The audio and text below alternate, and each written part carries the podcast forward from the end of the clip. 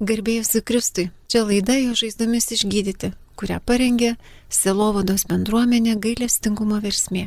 Laidoje girdėsite mokymą tėviškumo pavyzdys. Kalba gailestingumo misionierius, kunigas redemptoristas iš Slovakijos Peteris Hertel. Angus draugai, dažnai esame raginami ieškoti gyvenimo pavyzdžio.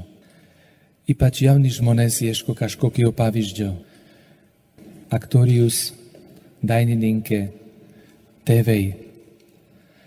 Kuo jie tave įkvepia? Būna labai gerų pavyzdžių ir būna tokių, kuriais neverta sekti. Bažnyčia mums irgi siūlo žmonių pavyzdžių gyvenime. Viena iš jų yra šventasis Jozapas. Popiežius Pranciškus sako, kad pandemijos, kuri mums leido suprasti paprastų žmonių svarbumą fone, galime matyti ir švento Jozapo svarbą. Taip kaip dažnai nematomi žmonės, kurie kantriai prižiūri ir tarnauja sergantiems, taip ir šventasis Jozapas nepastebimai tarnauja savo šeimai ir kitiems. Gal šiuose žodžiuose nėra išsakyta nieko ypatinga, bet Jeigu norėtumėt sukurti šeimą, kokį vyrą norėtumėt turėti, ar kokiu vyru norėtum būti. Gal kažkas pasakytų, kad būtų turtingas, kad turėtų daug raumenų ir fizinės jėgos. Bet ar ne pats svarbiausias dalykas, kad būtų savo šeimai ir kitiems ištvermingai tarnaujantis ir mylintis žmogus? Net jeigu turėtų pinigų, fizinės jėgos, bet nemylėtų ir nesirūpintų šeimą, nebūtų toje šeimoje laimės. Apie Jozapą ir jo žmoną Mariją Biblija rašo, kad buvo iš neturtingiausių. Kai Jėzus buvo aukojamas šventykloje, jiems teko aukoti Dievui porą purpelių arba du balandžiukus. Turtingi žmonės turėjo aukoti avinėlio ir balandį. Nors ir nebuvo turtingi, Jozapas uždirbdavo pinigus šeimai kaip amatininkas arba dailidė. Šventasis raštas apie jį mini vieną labai svarbų dalyką. Jozapas buvo žmogus teisus. Pagal katalikų bažnyčios katechizmą teisingumo dorybė reiškia atiduoti Dievui ir artimui tai, kas jiem priklauso. Katechizmas teisingumą vadina moralinė dorybė. Tai reiškia, kad tai buvo Jozapo charakterio bruožas, jo savybė. Tai yra daryti, kad kitam būtų gerai ir niekada nedaryti to, kas artimam sukeltų žalą. Kitaip sakant, matyti kitą Dievo akimis. Jeigu būtų buvę taip, kad Jozapas būtų turėjęs tik žmogišką teisingumą, kokį turėjo daugybė farizėjų ir rašto aiškintojų, sužinojęs, kad Marija laukiasi kūdikio ne nuo jo, galėjo ir turėjo teisę ją atiduoti užmušti akmenimis. Bet jis, nenorėdamas daryti jai nešlovės, sumanė tylomis ją atleisti. Kodėl? Nes Jozapas ją mylėjo. Ir nors nesuprato, kaip galėjo atsitikti, kad Marija laukiasi, norėjo apsaugoti ją nors tylomis ją atleidus jam pačiam būtų buvę didesnė gėda prieš žmonės nei pačiai Marijai. Tai šventasis raštas vadina buvo teisus. Matome, kad čia ne tik žmogiškas teisingumas, bet ir gailestingumas. Tai dieviškų būdų išreikštas teisingumas. Koks žmogus buvo Jozapas? Kokias dovanas turėjo dar? Šventojo Jozapo litanijoje skaitome, kad jis tyrasis, išmintingasis, tvirtasis, klusnusis, ištikimasis, kantrusis ir taip toliau. Nenuostabu, kad katechizmas kalba, kad teisingumas yra pagrindinė dorybė. Kur jis yra, ten yra ir kitų dorybių. Kur jo nėra, negali išaukti ir kitos dorybės. Tai didelis pavyzdys ir mums. Tai mums kalba apie ugdymo svarbą ir saviugdą. Norėčiau, kad paimtumėt rašiklį ir popieriaus ir parašytumėte dešimt gerų bruožų, kuriuos kiekvienas matote savyje. Pavyzdžiui, gerumas, noras išklausyti ir taip toliau. Reikia tarnauti tuo, ką turim. Nemažai žmonių sako, aš nieko neturiu, nesugebu. Todėl noriu, kad parašytumėte, ką sugebat. Pažiūrėkime truputį į Juozapo darbą. Jis buvo dailidė. Žmonėms gyvenantiems su Dievu yra būdinga, kai tai, ką daro, daro geriausiai, kaip moka. Stengiasi tai daryti puikiai. Būna, kai perkam kokį baldą parduotuvėje, pavyzdžiui, kokią spintelę, kad kažkas būna netiesiai padaryta, iki galo neprisukta, nuskilęs koks kampas, nes ta spintelė kažkur nukrito, ar naujas stalas siubuoja. Kaip supykstame, jeigu taip nutinka. Nors perkame naują daiktą, bet visada gauname galimybę jį nemokamai sutaisyti arba gražinti, jeigu kažkas netaip padaryta nes mums žmonėms kartais nelabai rūpi. Kaip galvojat, kaip atrodė Juozapo pagaminti daiktai? Galvoju, jo teisingumas gali mums būti užuomina. Čia truputį pamastykime Juozapo pavyzdžio šviesoje apie mūsų gyvenimą. Ką dabar darai? Dirbi, studijuoji, Ar tai, ką darai, atlieki kaip įmanoma geriau? Tai mūsų krikščionių bruožas, tai, ką darom, daryti kuo geriau. Tai nereiškia, kad turime būti perfekcionistai. Visai ne. Tačiau stengtis viską daryti kiek įmanoma geriau. Aukščiausio lygio sporte nepakanka vidutinybės profesionālus mēnās taip Tav neleis groti orkestre, jeigu nemoki groti profesionālei. Dideļu įmonių vadovai tiesiog tikisi, kad tu būsi puikus, kad tave priimtų į kažkokią poziciją. Ir visi sutinkam, kad tai normalu. Ar tame yra kažkas blogo? Kai eini į žalgirio rungtynes ir jie žaidžia blogai, tu vis tiek žinai, kad jie gali daug geriau. Kaip jaustumėsi tokiose rungtynėse?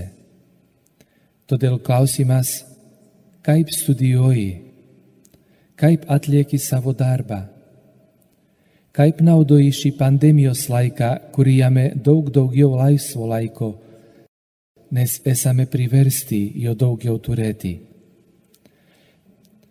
Laiką galime išnaudoti prasmingai arba jį praleisti veltui. Jis jau nebegrįž. Darbas mus irgi pašventina. Pavyzdžiui, kad iš medžio liemens padarytume stalą, reikia be proto daug darbo, kurio daugybė žmonių nežino ir nemato, tik stalijus ar dailidė išmano kiek kantrybės reikia. Per viską gerą, ką darome, galime aukti ir tai mus pašventina. Atsitinka taip, kad ne viską pavyksta pirmą kartą padaryti. Ir Jozapui tai tikrai atsitiko, nebuvo tobulas žmogus ir man taip atsitinka, daugybė kartų įvairiuose dalykuose. Gal ir tau. Pavyzdžiui, sėdėjai prie knygos, išmokėjai, ką reikėjo, bet atėjęs į paskaitą sužinojai, kad nieko nežinai ir turėjai dar kartą grįžti prie knygos. Esu tikras, kad Jozapas gerai išmokė Jėzų dailydės amato, kad jam atidavė viską, ką galėjo. Ar norėtum būti vieną kartą tėvų, mokytojų, profesoriumi, dirbančių taip, kaip dabar? Norėtum ugdyti savo vaikus taip, kaip dabar gyveni? Galima čia prašyti šventojo Juozapo užtarimo, ištvermingumo, dorybės kasdienėse pareigose. Jeigu išmoksim gerai įvykdyti visas savo pareigas, tai turės poveikį ir mūsų santykiui su kitais žmonėmis.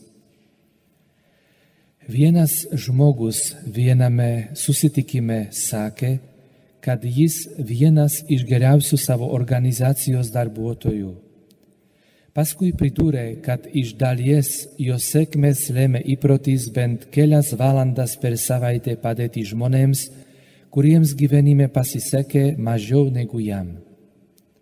Matydamas, kiek daug dalykų gyvenime neturi kiti žmonės, pradedu geriau pastebėti visas tas gerybės, kurias turiu pats, sakė. Tik tada imu suprasti, kad tai didelė dovana, kurios galbūt ir nesu nusipelnęs. Svarbiausia, kad aš galiu nors šiek tiek pakeisti gyvenimą žmonių, kuriems esu iš tikrųjų reikalingas kaip sakė Albertas Šveiceris. Nežinau, kaip susiklostys jūsų likimas, bet vieną tikrai žinau. Iš tikrųjų laimingas bus tik tas, kuris išmoko tarnauti žmonėms. Man patinka šie žodžiai, nes tai tikrai tiesa. Kuo daugiau gero darome kitiems, tuo daugiau esam dėkingi ir tuo daugiau gero ir matome kituose žmonėse. Pasižiūrėkime į Jozapo kilmę, į jo giminės šaknis. Prisiminkime mums žinomus angelo žodžius. Jozapai, Dovido sūnau, nebijok parsivesti į namus savo žmonos Marijos, nes jos vaisius yra iš šventosios dvasios Ji pagimdys sūnų, kuriam tu duosi Jėzaus vardą, nes jis išgelbės savo tautą iš nuodėmių. Kiekvienas naujai gimęs žmogus gauna ne tik vardą, bet ir pavardę. Paprastai gauname pavardę pagal tėvą. Ne tik psichologija, bet ir sveikas protas mums sako, kad žmogus nežino, kas yra, nežino savo identiteto, jeigu nežino savo protėvių, jeigu nepažįsta savo tėvų, senelių, prosenelių. Žinoma, kad Jozapo tėvas vadinosi Jokūbas. Prisiminkime dar penkis mums žinomus Jozapo pagrindinius identiteto bruožus. Buvo žydas, iš išrinktosios tautos, tikintis, iš karalių giminės, Marijos sužadėtinis Jėzaus tėvas. Jozapo buvo teisėtas Dovido sosto įpėdinis. Bet Dovido dinastija nutraukė žydų patekimas į Babilono nelaisvę. Jozapo gyvenimo laikų karaliaus soste sėdėjo Erodas. Jis užėmė tą vietą, kurioje iš tikrųjų turėjo sėdėti Jozapas. Kilmės knygoje rašoma, kad buvo, kas buvo kieno sūnus nuo Dovido iki Jozapo, kalbant apie karališką giminę. Bet tiesa tokia, kad nuo Babilono nelaisvės karališkame soste nesidėjo joks žydų karalius. Tačiau giminės įrašas labai gerai primena, kad tuo laiku valdyti šalį turėjo Jozapas. Jis apie tai labai gerai žinojo ir gyveno tuo, kad yra iš karališkos giminės. Turėjo karališką mentalitetą.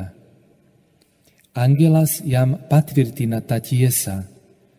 Jozapai Dovido sūnau.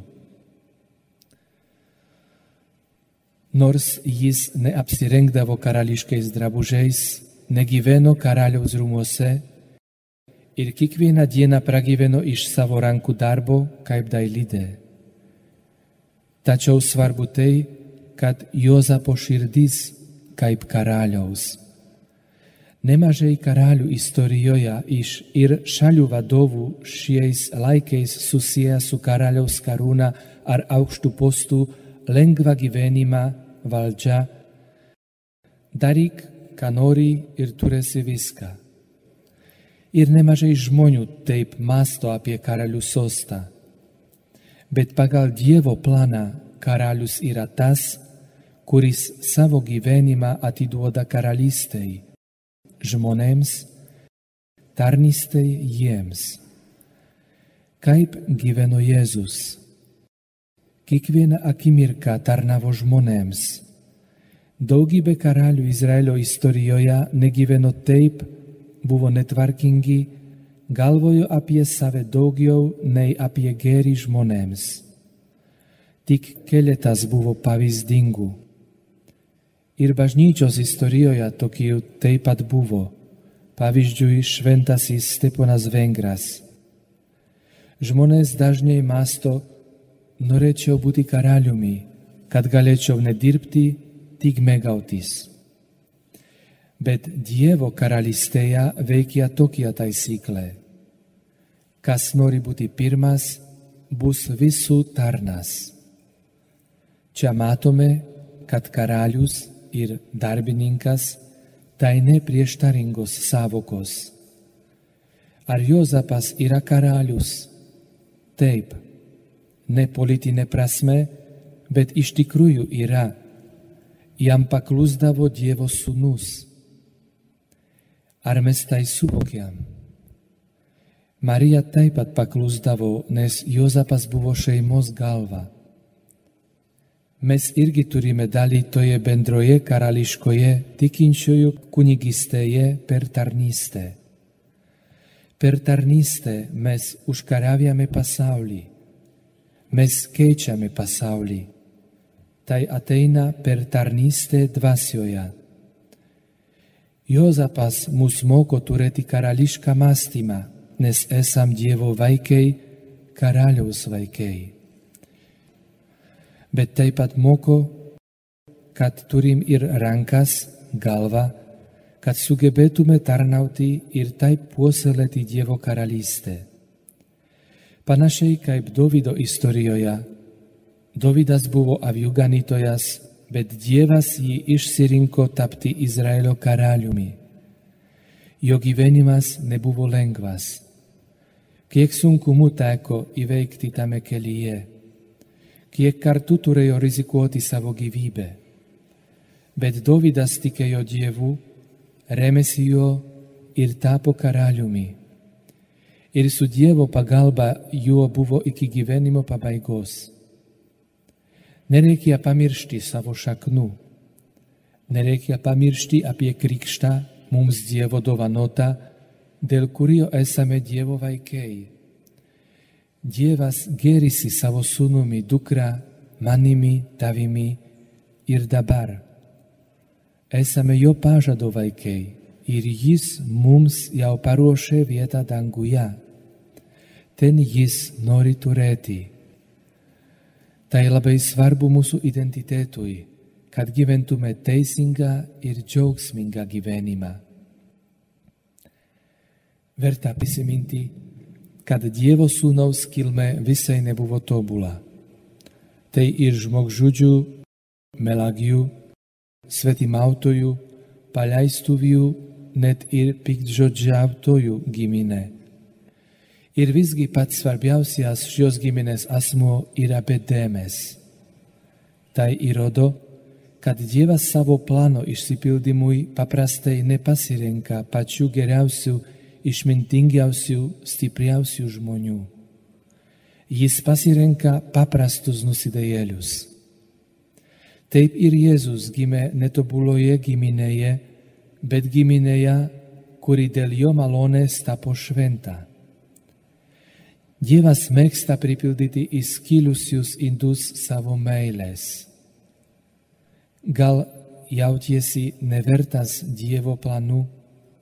Tai tiesa, mes visi neverti. Visai nesvarbu, kokia nuodėminga yra tavo praeitis ar tavo šeimos istorija. Tai netrukdo viešpačiui pasiūlyti tau naują identitetą, būti jo sūnumi ar dukra. Sūnystė mums buvo dovanota, bet sūnumi dukra tampame. Stipriau ir daugiau visada, kai einam pas tėvą per maldą, per išpažinti. Tėvo meilės dėka. Koks svarbus kiekvieno mūsų gyvenimas. Įsivaizduok, jeigu nebūtų Jozapo arba jeigu jis nebūtų atsakęs Dievo planui taip, Marija neturėtų vyro, Jėzus žemiškojo tėvo. Kaip atrodytų pasaulis, jeigu tu nebūtum gimęs? Gal tai skamba kaip beprasmis svarstymas, bet kai kuriems žmonėms gyvenimas be tavęs būtų labai varganas. Ir taip ne tik dėl to, ką darai, bet dėl to, kas tu esi. Galbūt dėl tavo draugiško elgesio, tavo šypsenos, tavo kantrybės, kuri juos atpalaiduoja Esi vienas iš kelių, kai kuriems gal vienintelis kelias, per kurį jie gali susitikti Kristų, kuris veikia per žmogų. Tas žmogus tu esi. Pasvarstykime toliau. Tam tikrą prasme tavo būtis esybė turi amžiną pasiekmę. Gal atvesi prie Dievo kažką, kuris nori pasiduoti dėl sunkumų, arba kažką, kas niekada netikėjo. Nors tai nematoma, esi tie nematomi klyjei, kurie kartu laiko suklijuoja tavo parapijos reikalus ar tavo šeimą. Kiekvienoje sienoje yra daug plytų ir kiekviena iš jų yra svarbi. Žmonės, kuriuos tu paveiki, paveiks kitus ir taip tęsis. Gal klauskime kiekvienas savęs, kas mano dovana, įgimti talentai, kuo aš galiu būti dovana kitiems. Ką mėgdavau daryti vaikystėje, kokie mano pomėgiai, kokioje srityje man sekasi dalykai, kuriuos mėgome vaikystėje, gali išreikšti ir mūsų talentus dovanas. Grįžti prie šaknų tiek kūniškų, tiek dvasiškų, natūralų. Gal tai reiškia grįžti ir prie švento rašto, prie paties Dievo, prie tikėjimo šaknų, prie žmonių, iš kurių gavau tikėjimą. Ir už jį patekoti, nes per tikėjimą esam išgyd, išgyd, išganyti. Noriu dabar truputį pamastyti apie Jėzaus paukojimą šventykloje, nes matau, kad tai daug ką gali mums išreikšti apie Jozapą. Evangelija vadina šventą Jozapą kūdikio Jėzaus tėvu, nes jis buvo teisėtas jo motinos Marijos vyras Taigi pagal įstatymą buvo laikomas ir Jėzaus tėvų, turi jam tėvo teisės. Pagal angelo pranešimą ir išaiškinimą Jozapas priėmė Mariją į savo namus, o šventosios dvasios pradėtą kūdikį kaip savo vaiką. Pagal žydų tradiciją vaikui vardą duodavo tėvas. Der angelo žodžių tu jam duosi Jėzaus vardą, Jozapas supranta, kad ir Dievo akise jis yra Jėzaus teisėtas tėvas.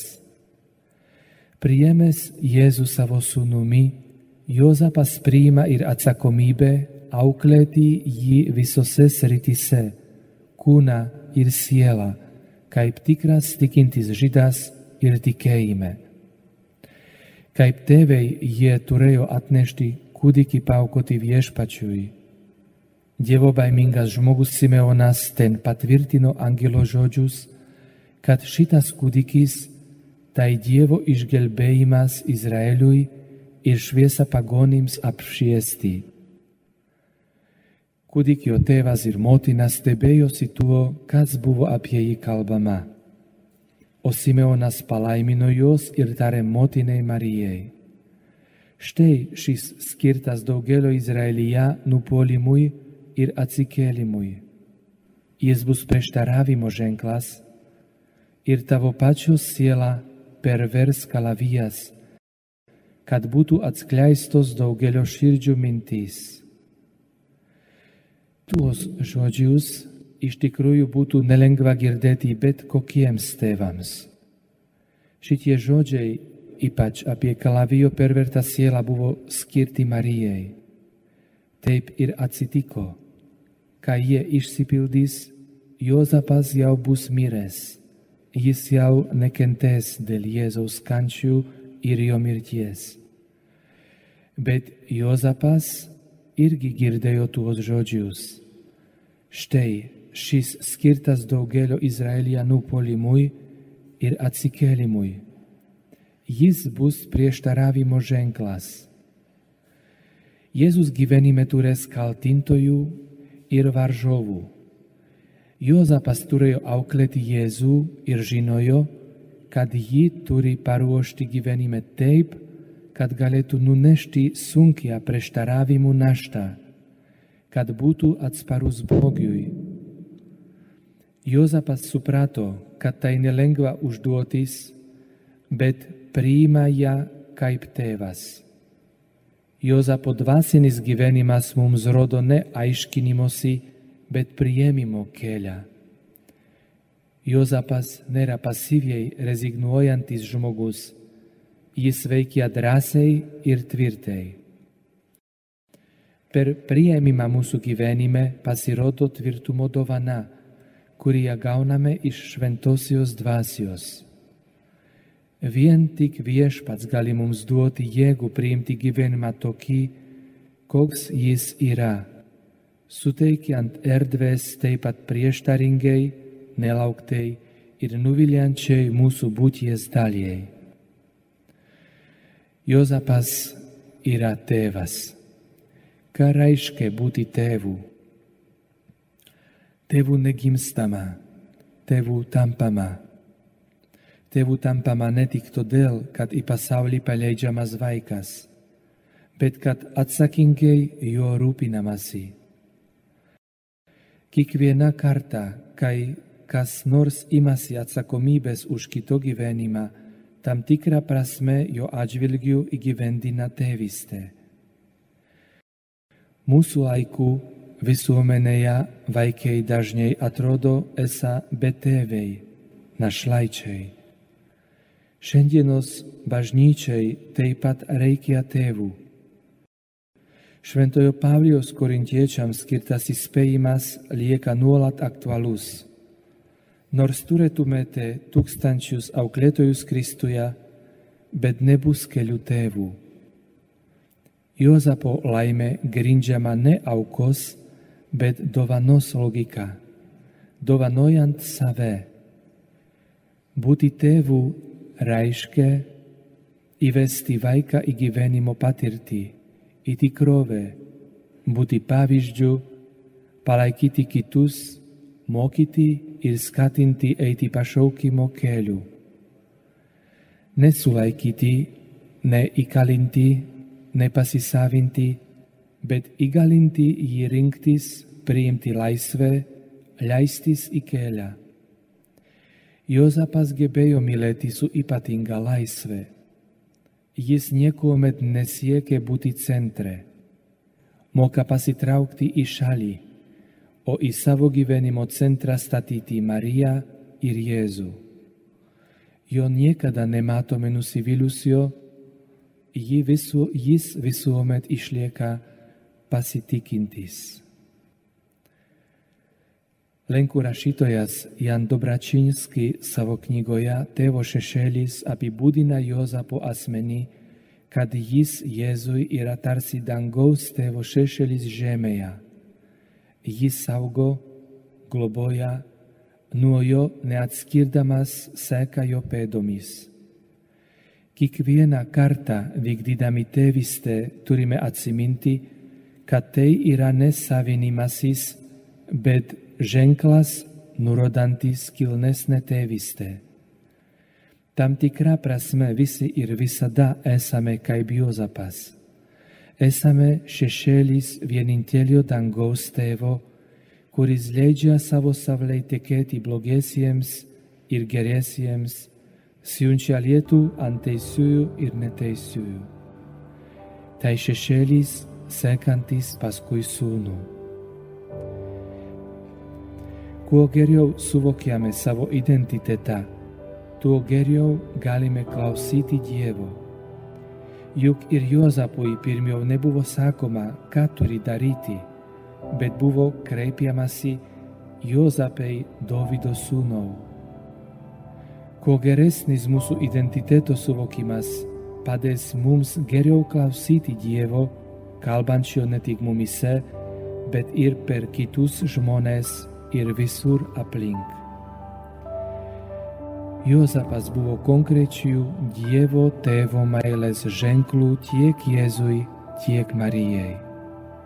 Marija ir Jėzus buvo dangiškojo tėvo meilės ženklų Jozapui. Tu esi tėvo meilės ženklų tiems, su kuriais šiandien susitinki šeimoje, universitete, bendrabutyje, kelyje jie yra tau ženklas, kažkas svarbaus Dievas nori pasakyti per tą ženklą mums, tau. Ir nors niekas iš mūsų nėra be klaidų, be nuodėmės, tegul kiekvieno mūsų gyvenime netrūksta paties svarbiausio dalyko - konkrečiais meilės veiksmais išreikšta Dievo buvimo šiame pasaulyje. Dieve, ačiū tau už kiekvieną iš mūsų. Ačiū tau, kad nesame vieni, kad tu su mumis, kad tai yra tikrumas, kuriuo galim gyventi.